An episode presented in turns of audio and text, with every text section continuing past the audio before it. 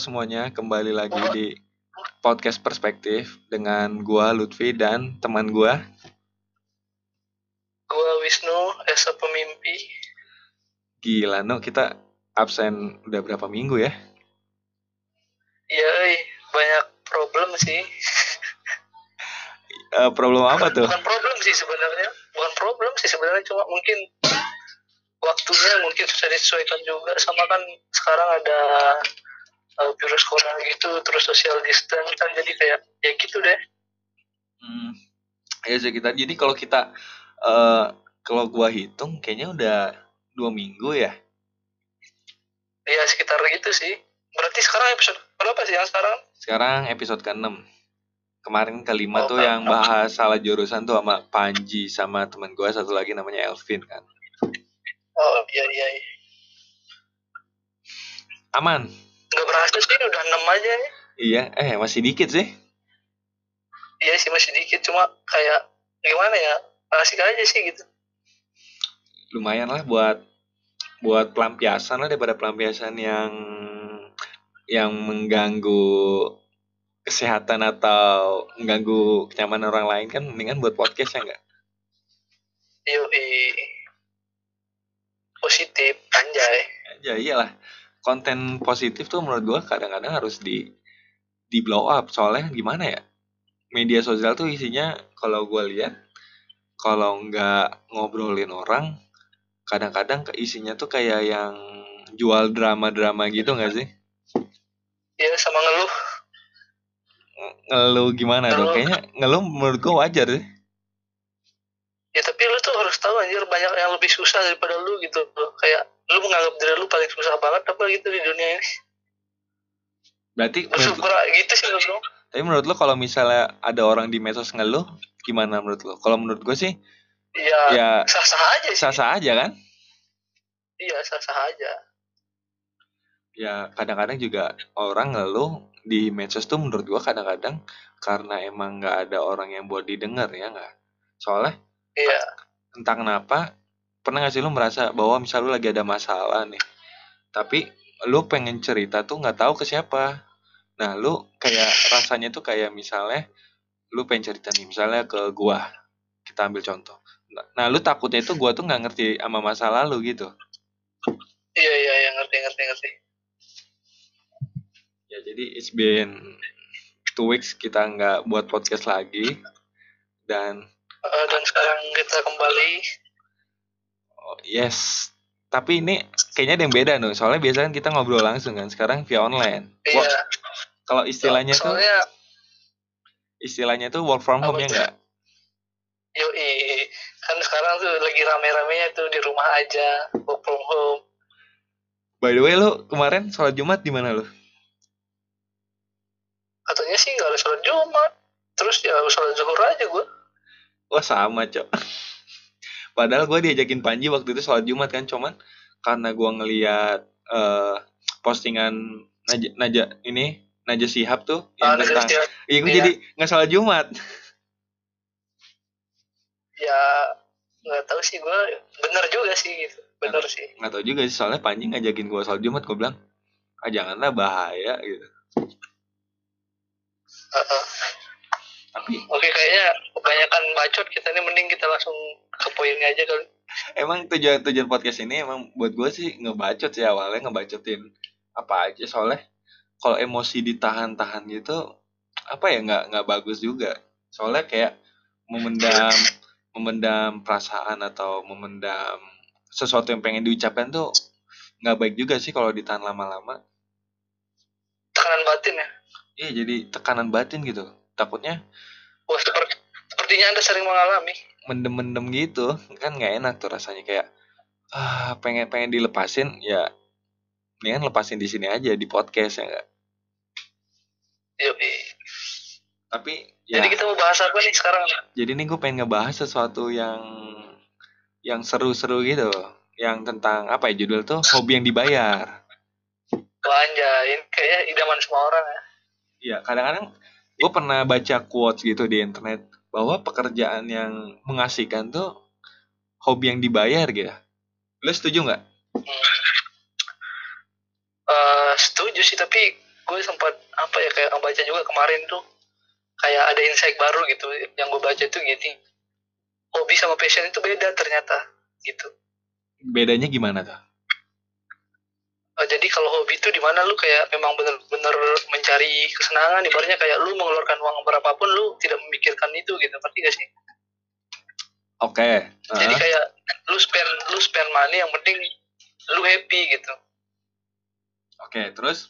Nah kalau passion itu di mana lu uh, yang kayak balik lagi kalau passion itu di mana lu menjalankan sesuatu yang lu suka tapi lu dibayar. Berarti bedanya kurang lebih kayak gitu jadi kalau misal gue tarik kesimpulan bahwa uh, passion nih sebenarnya hobi kan cuman dibayar gitu aja. Iya. Yeah. tapi uh, uh, passion tuh bisa ngeluarin duit juga kan kayak hobi kan? Iya tapi kalau kan kalau uh, hobi lu tuh lu ngelakuinnya tuh nggak ada beban gitu kan kalau passion lu kayak ya pasti ada beban pekerjaan. Terus kayak ada tanggung jawab juga gitu. Kalau hobi tuh bener-bener lu kayak meluangkan kesenangan lu aja gitu itu lu lu liat gitu lu sih. itu lu liat di mana nih? Soalnya gue sempat ngeliat postingan itu juga di akun Ah, Instagram gua di mudah cuman sekali. gue podcast kalau nggak salah. Denger di podcast siapa ya? Lupa gue pokoknya di podcast gitu gue dengernya. Oke. Lu gue pernah udah lupa sih podcast yang mana. Lu sekarang lu pengalaman lu dengan hobi yang dibayar gimana? Kalau gue pertama kali hobi yang dibayar itu hmm, udah beberapa tahun yang lalu sih jadi kan gue kebetulan punya hobi foto nah terus yang pertama kali banget gue dibayar itu sekitar 2018 kalau nggak salah 2018 atau 2017 eh 2000 iya 2017 enggak dong 2017 mah di Bandung ya berarti 2000 gue masih 2017. SMA itu 2017 kapan enggak dulu enggak gue Kagak, gue masih SMA, Cok. berarti 2016 lah ya 2016 4 tahun yang lalu kalau nggak salah kalau nggak salah 2015 2016 lah kalaupun 2015 2015 akhir. Nah waktu itu tuh kebetulan gue punya hobi foto kan fotografi. Nah terus gue ikut kayak komunitas gitu. Komunitasnya tuh namanya landscaper jadi komunitas anak-anak landscape. Tapi kita di komunitas itu nggak cuma foto apa mau foto-foto landscape doang kita mempelajari semuanya gitu. Tapi lebih ke spesifiknya ke landscape fotografi. Nah kebetulan di komunitas gue ini gue sendiri yang paling kecil, yang umurnya paling bocil gitu. Yang lain tuh udah uh, berkeluarga, udah pada kerja. Pokoknya gue lah sendiri anak SMA pada saat itu. Nah kebetulan waktu itu uh, ada event, ada event balap sepeda dari Citylink dan Garuda. Nah kebetulan gue punya teman gue senior gue di komunitas gue ini orang ini apa sih namanya kayak orang yang IO-nya gitu loh. oh iya Nah, uh, terus waktu itu pertama yang ditawarin tuh senior gue dulu tapi senior gue nggak bisa karena dia udah, dia udah punya job yang lain. Akhirnya dilempar ke gue waktu itu gue inget banget eventnya itu jam 8 pagi di kaki gunung waktu itu di desa lah di desa gue sedangkan kan gue lagi di kota lagi sekolah waktu itu lagi di kosan. Nah tiba-tiba senior gue ini ngechat nu lagi di mana? Lagi di kosan ke sini. Gue dipanggil ke hotel kan. kok soalnya di sana tempat kayak meeting pointnya gitu. Oke. Nah gue dipanggil ke sana jam 9 malam meeting eh, ngomongin apa jadwalnya terus ngomongin budgetnya berapa dan udah deal nih udah deal gue udah mau dan ternyata gue harus berangkat saat itu juga ke kaki gunung itu di namanya sih desa Sembalun itu tanah kelahiran gue jadi gue kayak pulang gitu sih ibaratnya. Nah waktu itu tuh eh, karena eventnya jam 8 jadi gue harus standby dari pagi nah gue langsung berangkat tuh dari kota ke Sembalun jam kurang lebih jam jam 10 malam. Dan waktu yang ditempuh dari kota ke Sembalun ke tempat event sepeda ini tuh sekitar dua jam tiga jaman lah. Nah gue berangkat tuh. Nah terus gue nggak nggak gue tuh sebenarnya nggak nyangka mau dibayar segitu kan. Bayar berapa Oh, tuh kalau boleh tahu tuh? Ntar dulu Oke. selesai dulu ceritanya. Oke siap gue motret event pokoknya gue udah udah dikasih tuh lalu ke sini ke sini ke sini. Nah gue ikutin aja. Pagi gue ke ini dulu ke apa ke starting ke tempat start balap sepedanya. Gue ke sana dulu sarapan ambil baju kru gitu gitu nah itu briefing di sana terus oke. Gue gue mulai eh, start kerja itu jam 8 pagi. Terus beresnya itu kalau nggak salah jam 4 sore kalau nggak salah. Nah beresnya gue langsung balik lagi ke kota gue beresin file-filenya gue edit gue pilih-pilih yang bagus. Besoknya gue store langsung dibayar hari itu juga besoknya itu. Dan yang gue kaget tuh gue dibayar 2 juta. Lumayan ya. tuh.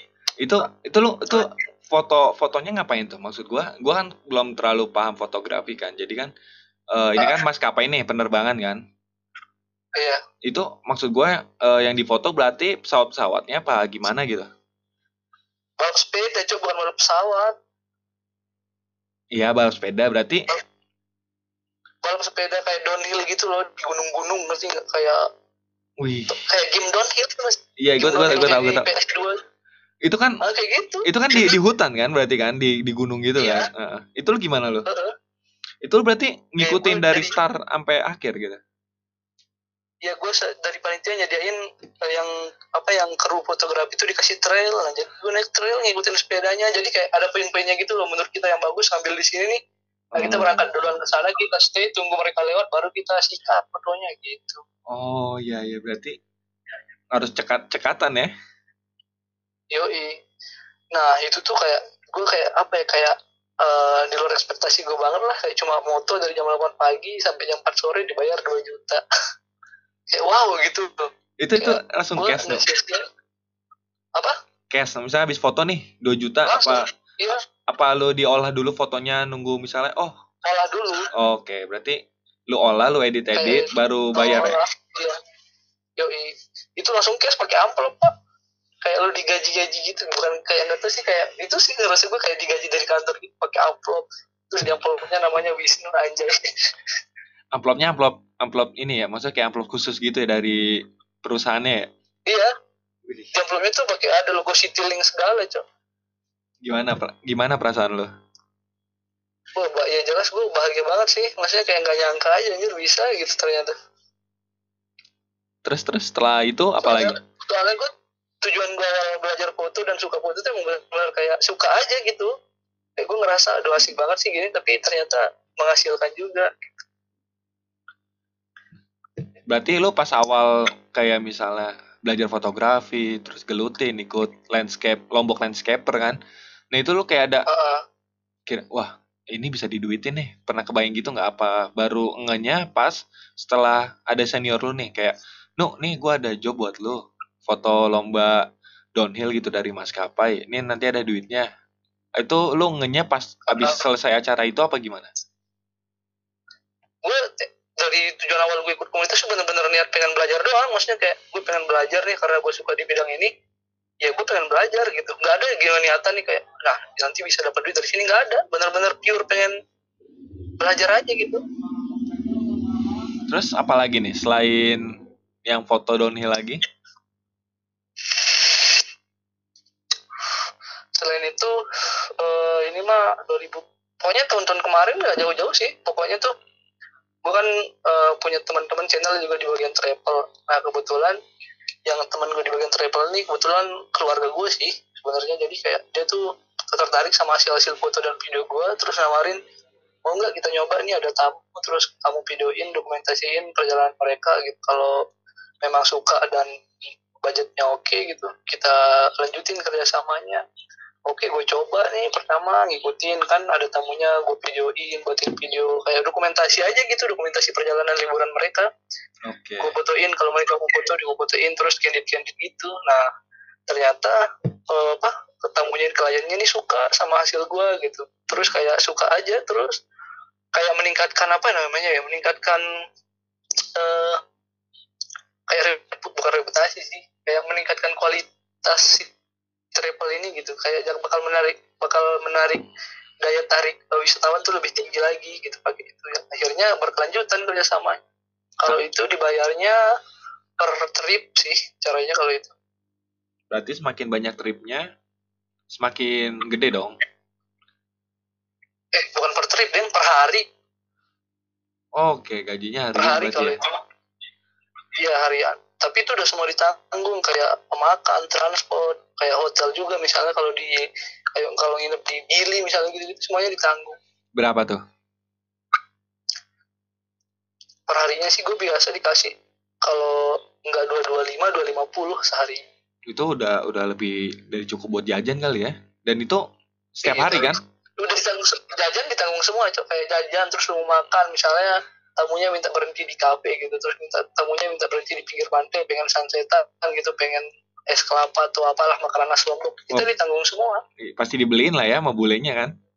iya pasti apalagi kalau misalnya tamunya baik nih klien- kliennya baik kita pasti dikasih bonus juga gitu jadi double kill ibaratnya dari bos dapat dari klien dapat kayak gitu Itu lo pernah nggak tip-tip sama gaji harian lebih gede tip?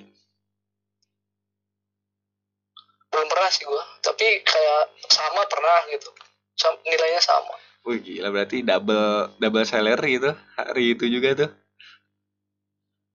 Iya, maksudnya kayak lu bayangin aja 250 sehari kalau dikali misalnya sebulan tetap nih gua mengerjakan itu ah, banyak banget sih. Nah itu lo masih lanjut pas liburan-liburan kemarin tuh. Kebetulan kalau liburan-liburan kemarin kan kita ada magang tuh jadi gua nggak bisa ngambil. Padahal banyak tamu juga. Lumayan juga ya 200. Intinya gua kalau gua kalau gua lagi kosong baru gua ambil kalau ada kerjaan maksudnya yang menyangkut kayak pendidikan gitu nggak gua ambil karena kan masih tanggung jawab buat orang tua. Gitu sih Pak. Gokil itu lo setiap hari tuh pas waktu liburan semester tingkat satu ya? Semester 2 ya? Tingkat dua itu masalah mah. Wah itu lu setiap hari tuh? Apa lu ngambil berapa hari setiap kemarin? hari setiap hari waktu itu cuma maksudnya nggak sebulan full gitu cok Wah, misalkan tamu tuh ada yang tiga hari, ada yang trip tiga hari ada yang lima hari gitu gitu lumayan ya berarti. aja kalau ada panggilan gas Berarti weekend bisa bisa produktif juga tuh. Ya alhamdulillah sih sejauh sejauh kemarin kemarin pas tamu lagi rame-ramenya. Tapi gue penasaran deh, lu dapet duit gitu lu tabungin apa lu pakai hura-hura?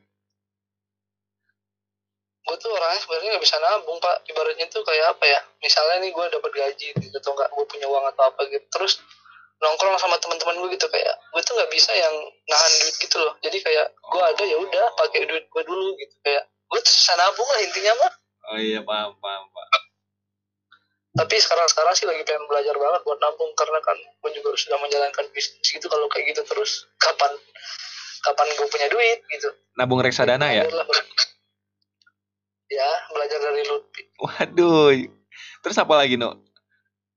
Selain misalnya selain fotografi gitu, ada nggak? eh, se- programming tapi gue nggak hobi programmer tapi gue pernah dapet proyekan beberapa kali Bentar, gimana tuh? ya. Gimana tuh yang Gimana? yang programming tuh lu bikin apa website, aplikasi atau website website waktu itu ah oh jadi tapi gue nggak ngerasa ini hobi sih jadi bukan hobi yang dibayar tapi gue ceritain aja lah ya ya, berarti ini job nggak pekerjaan lah ya? Eh, pekerjaan kalau ini mah Gimana tuh? Lu sendirian? Apa sama Fatan? Gue berdua sama Fatan sih waktu itu Hmm, gimana tuh? itu ceritanya gue lagi iseng-iseng aja posting di Facebook gitu kan kayak ada yang kalau ada yang butuh jasa buat web ini ini udah hubungi aja ini tiba-tiba eh, besoknya beberapa hari kemudian tuh gue di ada di inbox gitu kayak di di inbox kan namanya kalau Facebook mah kayak DM gitulah kirim Iya. pesan sama orang Iya iya. nanya-nanya jawab pri gue terus minta kontak nggak nggak basa-basi lah tiba-tiba terus minta kontak gue WA langsung ditelepon ngobrol lewat telepon. Ngomongin budget ngomongin ini deal langsung udah deal. Kasih DP Wih, berapa tuh?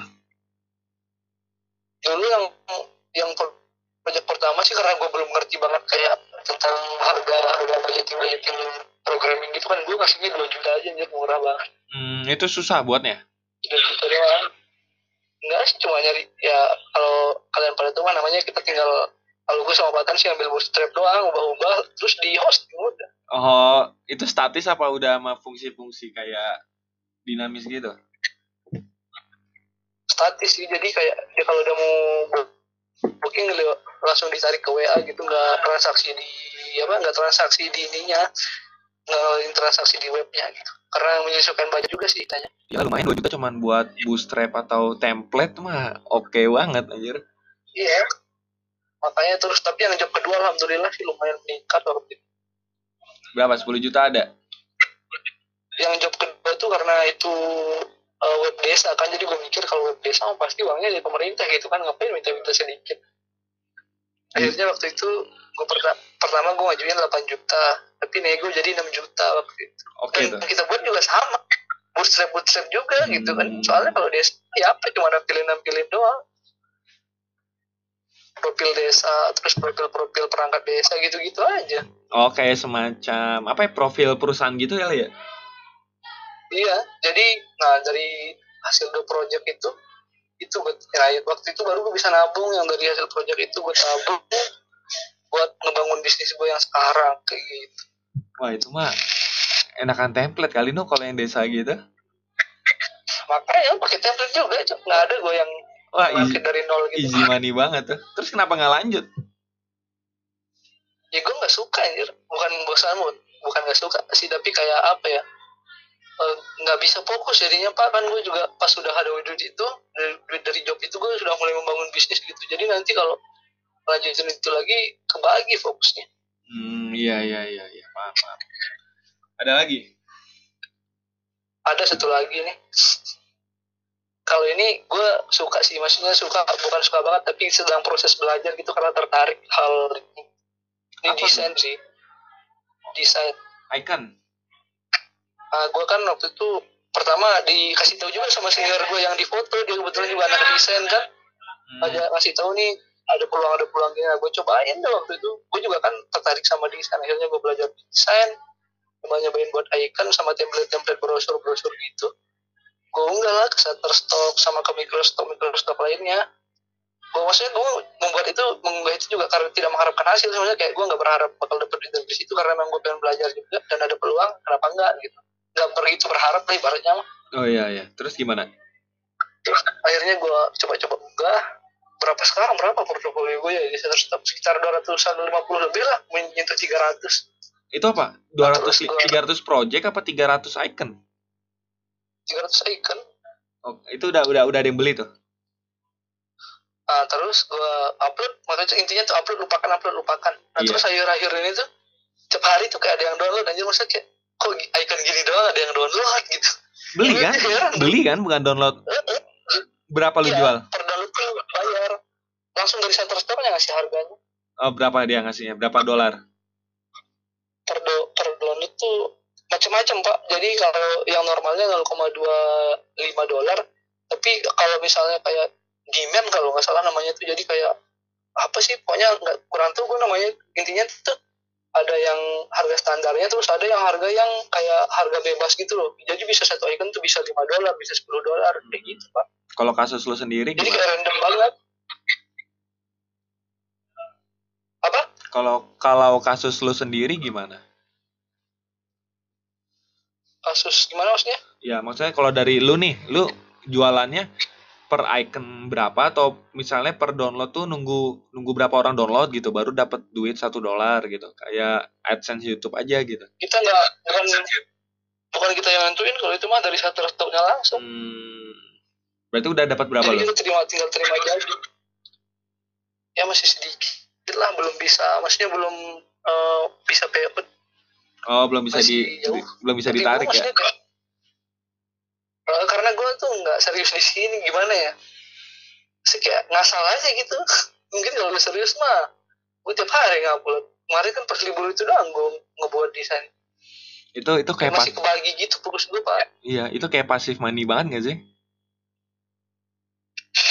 Heeh, bener-bener sih.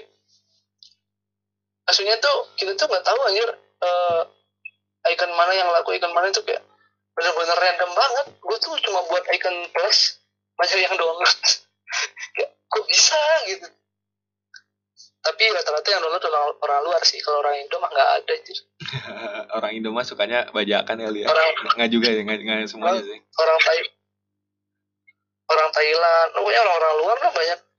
Ada sih yang pernah di Indo waktu itu download orang tapi di Bali sama Jakarta Berarti ada dashboardnya ya bisa ngelihat misalnya kayak eh, country mana nih yang download icon gua Ada. gitu. Paling banyak mana paling banyak? Uh, se- sedikit kali gue paling banyak Hamburg Hamburg apa sih Hamburg ya namanya Buset, aneh aneh banget jauh banget ya. Hamburg Jerman ya itu kalau nggak salah mah pokoknya luar negeri dah makanya banyak banget ya eh, eh, tapi rencana sih gue setelah kalau udah lulus kuliah gue juga pengen fokus ke situ. Karena kan kalau gue sekarang nih ibaratnya apa ada tanggung jawab kuliah juga ada bisnis juga gitu. Jadi kebagi banyak fokusnya. Mungkin kalau setelah lulus kuliah baru gue seriusin yang dua itu bisnis gue sama jualan ikan paling oh. gitu. Berarti nunggu nunggu beban satu ini keluar kelar dulu ya baru bisa bisa fokus soal itu beban paling aduh gue tuh paling kesel. Gue merasa bebas banget lah pokoknya ini. Kalau lu gimana nih kalau dari lu? Pernah nggak? Kalau gue gue mungkin waktu SMA kali ya. Oh enggak mungkin Ah. waktu dari gue kecil kali ya. Kan gue suka main game tuh. Dulu gue masih belum punya PS kan belum dibolehin orang tua gue jadi setiap kali main PS tuh gue suka kayak eh, jual-jual semacam cheat cheat gitu loh yang gue print. Kan gue di rumah ada komputer nih ada internet kan. Cuman gue belum ngerti nih cara kayak Eh. download game di komputer gitu. Nah gue pernah ngeliat tuh lagi main PS tuh. Kayak gitu ya Iya, cheat cheat cheat GTA kan awalnya tuh eh, awalnya tuh kan ditulis kan di di folio gitu bolak-balik kan. Wah, itu orang ngejual 2000 kan. Kenapa? Kenapa gua nggak buat juga gua jual lebih murah tapi nanti gua print gitu pakai kertas HVS A4 gitu kan. eh, Ya udah gue coba tuh lebih print. lah ya Iya, jadi kayak ya udahlah gua gua coba kan. Oh, gua jual tuh laku sih, cuman eh nggak nggak nggak nggak laku banyak sih, cuman kayak kan gue jualnya 500 perak kan satu itu kan. Gue gue dapat 10.000 ribu sehari itu. Jadi itu berarti lumayan sih kalau masih bocil mah iya 10.000 ribu sehari berarti kalau 10.000 ribu bagi 500 eh 20 20 kertas. Itu lumayan banget Iya. sih. Kalau Jadi masih bocil lumayan banget sih Iya lumayan banget. Jadi eh duitnya itu kesalahan gue nggak gue puter lagi no. Jadi gue pakai buat main PS. masih bocil belum Iya. bisa mikir ke situ iya gue sampai main PS tuh sampai waktu itu gue inget banget tuh gue sampai dicariin ma gue puasa-puasa eh main PS dari jam 8 ya. Terus maghribnya baru balik diomelin gue gara-gara duit jualan. ya sepuluh ribu main PS 2 tuh berapa ya dapat 4 jam anjir lumayan terus juga eh, berarti lu nih jiwanya gamer banget ya. dulu gamer parah pak. Terus gua sampai eh gua pernah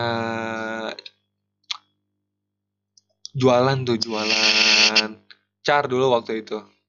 Cuman ini ini masih goblok sih gua. Gue jualan car tuh jualan caranya nggak gue puter jadi gue mainin main game nih. Main game gue tinggiin. Kalau udah tinggi gue jual gue udah tinggi gue jual gitu itu gue pernah dapat Oh. satu car itu paling gede ya paling gede tuh 250.000 ribu sih. Itu SMP kalau salah. Itu pas umur berapa? SMP SMP. kelas masih banyak sih kalau SMP mah kelas 2 Segitu? gitu. Oh banyak banget pak. Tapi lagi duitnya gue pakai beli beli semacam kayak cash buat game lain gitu. Kan waktu Oh. itu gue main Counter Strike online Indonesia kan main CS:GO tuh. Gue jual car gue 250 nah itu duitnya nggak gue puter lagi. Soalnya kan gue beli put gue puter buat cari-cari yang orang lagi BU kan lagi butuh uang kan biar gue bisa jual mahal lagi kan. Coba enggak jadi cara yang udah gue naikin gue beli cash game lain gitu. Nah cara gue dapetin duit lagi ya gue main game itu lagi. Jadi gue naikin dari awal itu kan capek kan lebih capek daripada puterin uang kan. Jadi nggak nggak sustain lah nggak berkepanjangan bisnisnya. Jadi ya cukup capek kan. Terus pas SMA gue pernahnya gue ini waktu itu gue kan pernah lihat tuh kayak semacam di Facebook tuh mau mau dapat duit nulis berita aja berita tentang game. Gue ikutan kan. Babe babe. Bukan Mas. bukan. Itu kalau babi kan umum kan ini ini ini tuh buat game doang tuh buat game temanya gitu. Oh. Lo tau game broad nggak? Oh iya iya iya. Nggak tahu gue gue bukan anak gamer aja jadi gue nggak mengikuti gitu. Eh, tapi YouTube lu ML semua e-sportnya iya sekarang. Jadi kan itu dulu anjir. itu 2016 sih. Itu waktu gua kelas 3 lah 3 semester 1 gua gua ngeliat gitu kan. Jadi gua nulis artikel nih. Sekali sekali ngebaca tuh dapet berapa perak gitu? 300 perak atau 500 perak gitu kan. Ah. jadi gua tuh gua buat artikel nih. Gua kira-kira masih masih ada tuh artikelnya tuh. Gua buat 10 artikel atau 20 artikel gitu kan. Nah itu jadi setiap artikel tuh nanti gue sebar di grup-grup Facebook yang game gitu. Waktu itu kan gue gua share ke Tara Art Game Indonesia grupnya kan ada tuh. Terus gue share ke komunitas-komunitas game yang misalnya gue nulis game tentang Dota nih kayak tips-tips and trick buat naikin rank. Nanti gue kirim ke Iya, grup iya, iya. Dota gitu kan. Itu wah anjir anjir. Itu easy easy view banget easy view easy money kan nah terus? Nah cuman berapa lu dapet dari situ gue dapat 600 ribu waktu itu. 10 itu pas umur berapa sih? SMA itu SMA berarti 16 tahun lah ya 16 17 lah kayaknya. 16 16 16 SMA ah. SMA tuh 500 ribu tuh udah gede anjir. 600 pak. Makanya 500 ke atas tuh udah gede banget sih. Iya. Tapi itu gue nyesel pak. Soalnya waktu itu kan medianya masih kecil kan makanya eh, kayak per view tuh cuman 200 perak atau 500 perak gitu kan. Iya iya. Nah sekarang medianya tuh udah gede banget pak. Udah dibeli sama eh, perusahaan dari Hong Kong kan sekarang namanya juga udah berubah tuh. Gue nyesel kalau misalnya gue masih nulis nih masih nulis partai mungkin gue bisa jadi kayak apa ya freelancer atau pegawai tetap di sana kan dan duitnya juga duitnya juga lumayan dan usahanya itu cuman gampang banget ya pokoknya gue nulis artikel tuh kayak kalau di Indo kan artikel biasa kan kalau untuk eh, luar negeri kan eh, kurang up to date ya ya. Jadi gue tuh kayak Iya. nyari artikel dari website luar. Bisa gue nyari dari tiga referensi nih gue sebutin aja gue eh, dari mungkin yang denger nggak tahu juga ya. Gue dari IGN Gamespot terus dan lain-lain lah ya. Itu gue nyari referensi dari situ kan. Nah misalnya ada artikel baru nih tentang eh, game apa yang bakal dirilis bulan depan gitu.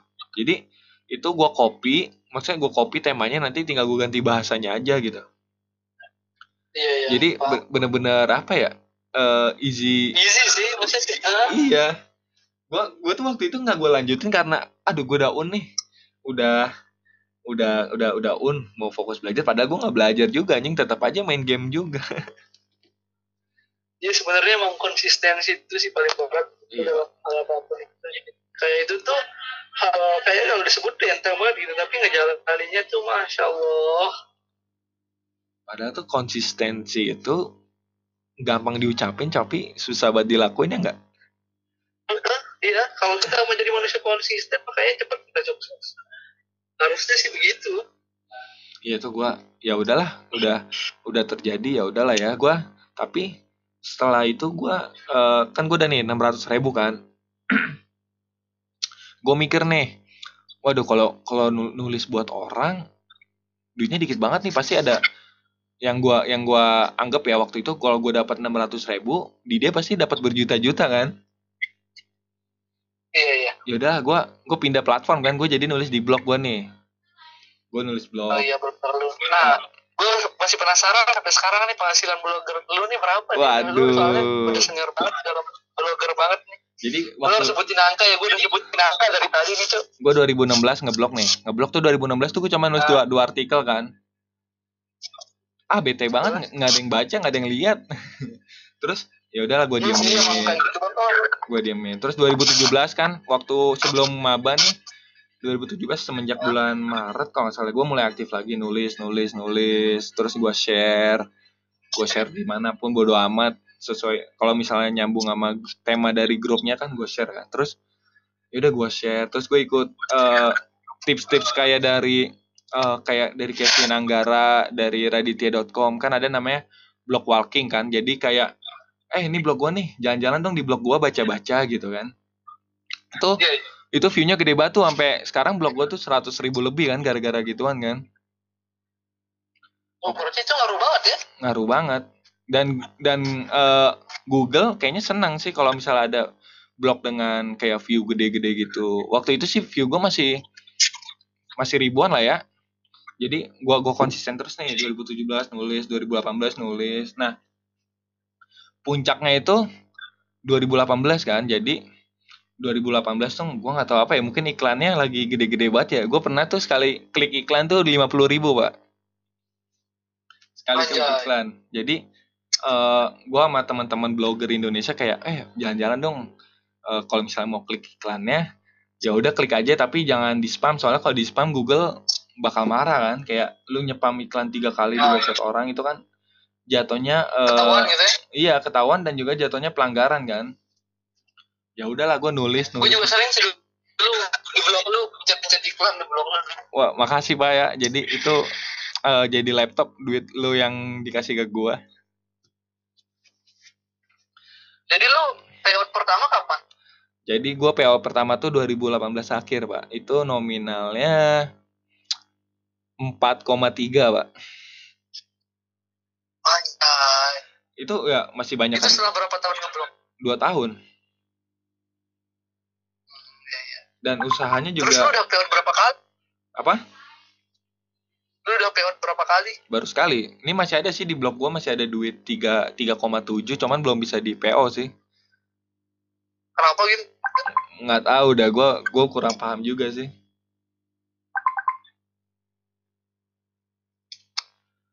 Ya, juga sih segitu tapi kalau dibandingin sama lu mah 6 juta bro. Lumayan banget nggak? Ya tapi kayak misalnya kayak ngeblog atau nggak nge YouTube terus dibayar walaupun 2 juta 3 juta tuh kayak berasa apa ya berarti banget uangnya karena kan prosesnya itu loh. Iya sih nggak? Lo kayak prosesnya berasa Oh. banget gitu. Kerasa sih itu gue dua Jadi, tahun gue gue dua gue dua tahun ngeblok tuh anjing ada duitnya. Cuman pas ada duitnya kayak alhamdulillah ya Allah. Puas banget. Kan puas ya, sih. lega gitu lah. Heeh. kayak ada kepuasan ter- tersendiri gitu. Yoi itu sebenarnya yang maksudnya kayak yang dicari itu orang kan nyari kepuasan gitu pak. Tapi eh, selain itu lo apa lagi? ya itu itu doang sih pak. Sekarang gue lagi mau nyoba nih peruntungan gue di podcast. Kira-kira butuh berapa lama gue biar bisa dapat duit dari brand atau dari sponsor di podcast? Entahlah kita coba ya. Ya intinya kita harus konsisten aja sih kalau menurut gue itu apa pun yang terjadi walaupun nggak ada yang nonton. Kan kita tuh nggak pernah tahu kapan kita bakal naik kapan kita bakal rame gitu. Dan sebenarnya semua orang tuh punya waktunya masing-masing. Tergantung gimana kita menyikapinya aja gitu. Misalkan kita nih kayak minggu depan nih podcast kita bakal rame gitu bakal 100 ribu pendengar. Tapi kita nggak ngupload minggu depan karena malas gitu kan ya hilang semua itu gitu. Iyalah. Hah? sebenarnya balik lagi ke gimana kita menyikapi semua itu sih kalau menurut gue tapi ada ada sih ada ada nggak ya kayak orang kayak eh, ngikutin arus tuh menurut lu gimana nu? Ngikutin arus misalnya sekarang kan kalau gue lihat yang sekarang lagi ngetren TikTok nih. Wah orang lomba-lomba TikTok itu menurut lu gimana? Kalau gue sih kan gue juga pernah di YouTube dulu ya. Maksudnya masih di senang-senangnya di YouTube kayak ikutin tren-tren gitu. Capek sendiri sih kalau dari gue sih. Pernah ngalamin capek sendiri gue nya. Capek sendiri itu gimana nu? Ya misalnya kan kayak sekarang misalnya yang rame lagi apa ya lagu TikTok yang rame sekarang? Yang zoom zoom gitu kan?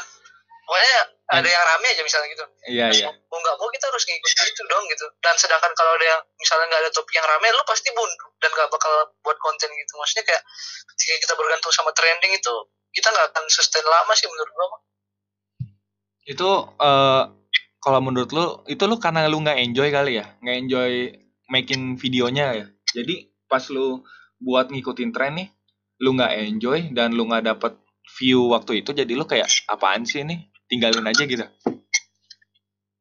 Kalau masalah view sih sebenarnya kalau ngikutin tren tuh eh, ada aja gitu yang ada apa lumayan rame gitu.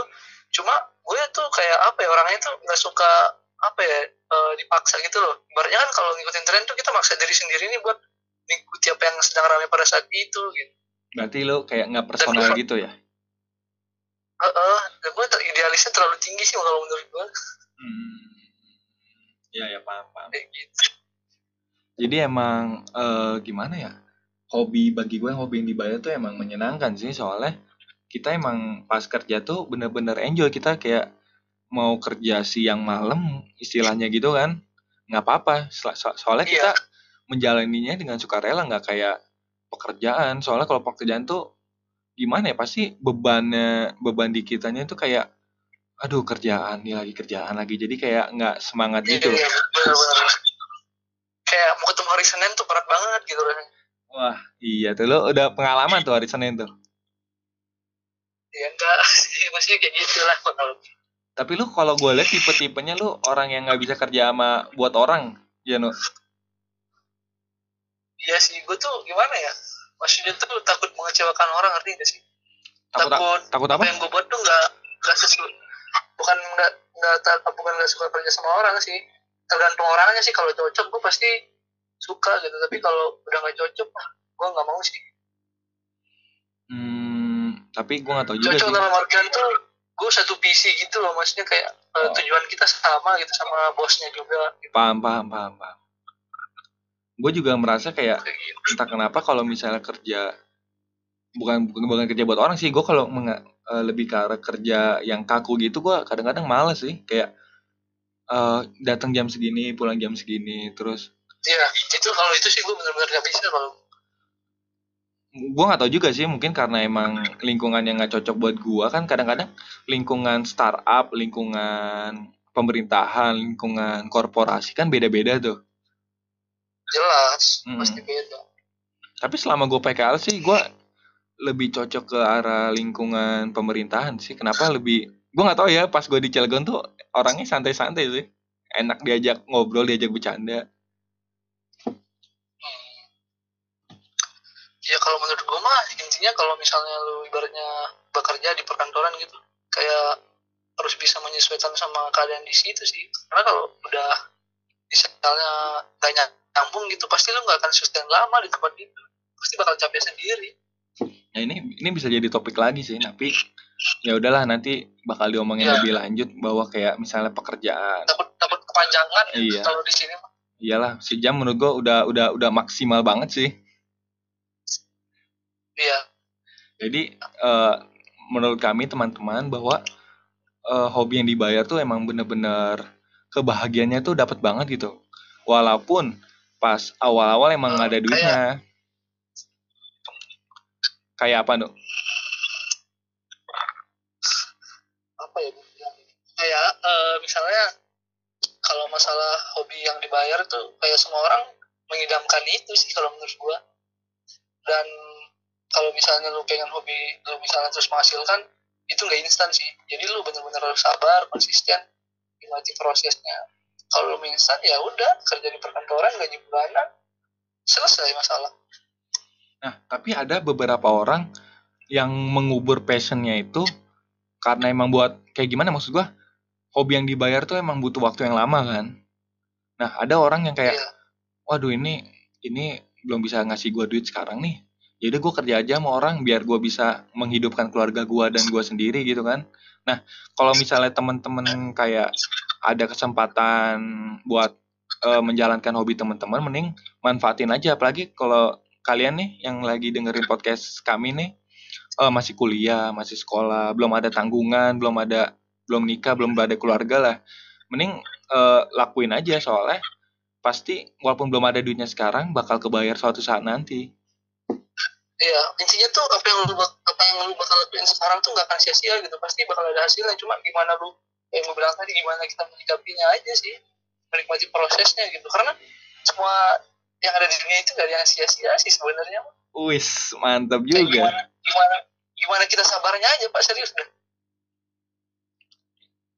Jadi ya teman-teman bahwa eh, kesimpulannya gimana nih, Nok? Kok kan gue udah nih. Kalau kata gue sih. Kalau dari lu gimana? Tadi yang tadi, Soal lu dulu. yang tadi. Oh, iya ya. Kalau dari gue sih, eh kalau idealis gue sih gue tetap bakal mengikuti eh, apa yang gue suka gitu. Karena gue tuh tidak suka ditekan dan tidak suka dalam ke- keadaan dipaksa gitu loh. Tapi jangan ikutin gue gitu buat teman-teman yang dengerin ini. Kalau kalian pun punya idealis tinggi kayak gue ya, idealis itu harus bisa kompromi. Kalau kata gue Hilman mah, jadi baratnya lu hobi lu ini ini pengen pengen banget ini. Tapi kalau nggak bisa ngidupin lu ya udah lu eh, tinggalin dulu idealis lu kehidup kehidupan apa atau pekerjaan yang bisa menghidupi lu dulu gitu. Baru nanti ketika sudah bisa menghidupi dan misalnya bisa bersurvei beberapa bulan nah baru lu tinggalin atau nggak resign dari kerja baru lu kejar mimpi lu kayak gitu sih. Jadi uh, intinya setinggi tingginya idealis lu tuh harus bisa kompromi lah kayak gitu benar tuh gue setuju tuh waktu ada kayak gue pernah dengar podcastnya Deddy Kobuzer bahwa ada orang yang ngikutin passionnya cuman kalau nggak ada duitnya ya buang-buang waktu juga. Kan apalagi udah bertahun-tahun nih nggak ada duit nih. Mending tinggalin ya nggak? Iya. Iya. Oke jadi teman-teman ya kan kita juga hidup dan butuh makan gitu. Benar-benar apalagi kalau ada yang berkeluarga nih udah ada punya istri udah punya anak. Waduh waduh. Kalau nggak ada duit mah nggak bisa iya. hidup bro jadi, pesan lu buat teman-teman nih apa? Jadi teman-teman uh, lagi yang tadi kalau misalnya teman-teman ada kesempatan nih belum ada tunjangan belum ada uh, kebutuhan yang harus teman-teman penuhi jadi kejar aja. Walaupun teman-teman belum bisa jadi full time mending jadi sampingan dulu aja. Misalnya teman-teman nih kerja kantoran tapi suka fotografi gitu. Jadi setiap malam nih teman-teman kayak uh, bisa lah keluar uh, keluar ke mana gitu. Street fotografi atau iya, iya, iya. di ya gitu-gitu deh. Pokoknya uh, kalau belum ada tanggungan mending dikejar. Ya kalau dari gue sih ini ya uh, terakhir ini. Uh, misalnya teman-teman pada kerja di kantor kan kayak balik jam berapa sih orang balik kantor? Jam 5 biasanya kan? Jam jam 4 sampai jam 5 lah tergantung masuknya. Nah, lu dari jam 8 sampai jam 5 tuh udah lu mengurus kayak kebutuhan hidup lu sehari-hari misalnya gitu untuk biaya keluarga Nah, lu dari start dari jam 8 misalnya dari habis sisa atau enggak sampai jam 11 malam, nah di situ lalu membangun dan mengejar mimpi lu yang lu, lu tinggalkan dari pekerjaan lu. Misalnya lu suka desain atau lu suka coding atau lu suka fotografi, nah dari jam 8 malam itu sampai jam 11 mungkin atau sampai jam 12 entah lu belajar tentang foto, entah lu belajar tentang desain kayak gitu. Itu intinya tuh ketika lu punya hobi terus lu sedang bekerja untuk memenuhi hidup lu dan lu harus meninggalkan hobi lu jangan ditinggalkan plak banget gitu. Barunya lu ya lu kerja kerja tetap tapi lu mengejar mimpi lu dengan cara tidak mengganggu pekerjaan atau wajib lu kayak gitu sih kalau tadi. Oke jadi terima kasih buat kalian yang udah dengerin perspektif dari kami. Uh, semoga ngebantu lu untuk yang masih bingung misalnya kayak gue punya passion atau punya hobi gimana cara uh, jalaninnya atau berapa lama kira-kira nyampe duit. Kalau dari pengalaman kami emang butuh lama sih bertahun-tahun ya kan? Iya.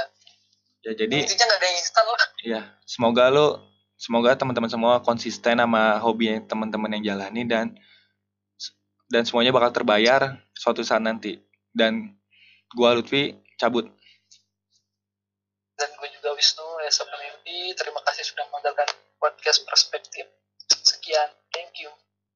Thank you. know, man. You know, man.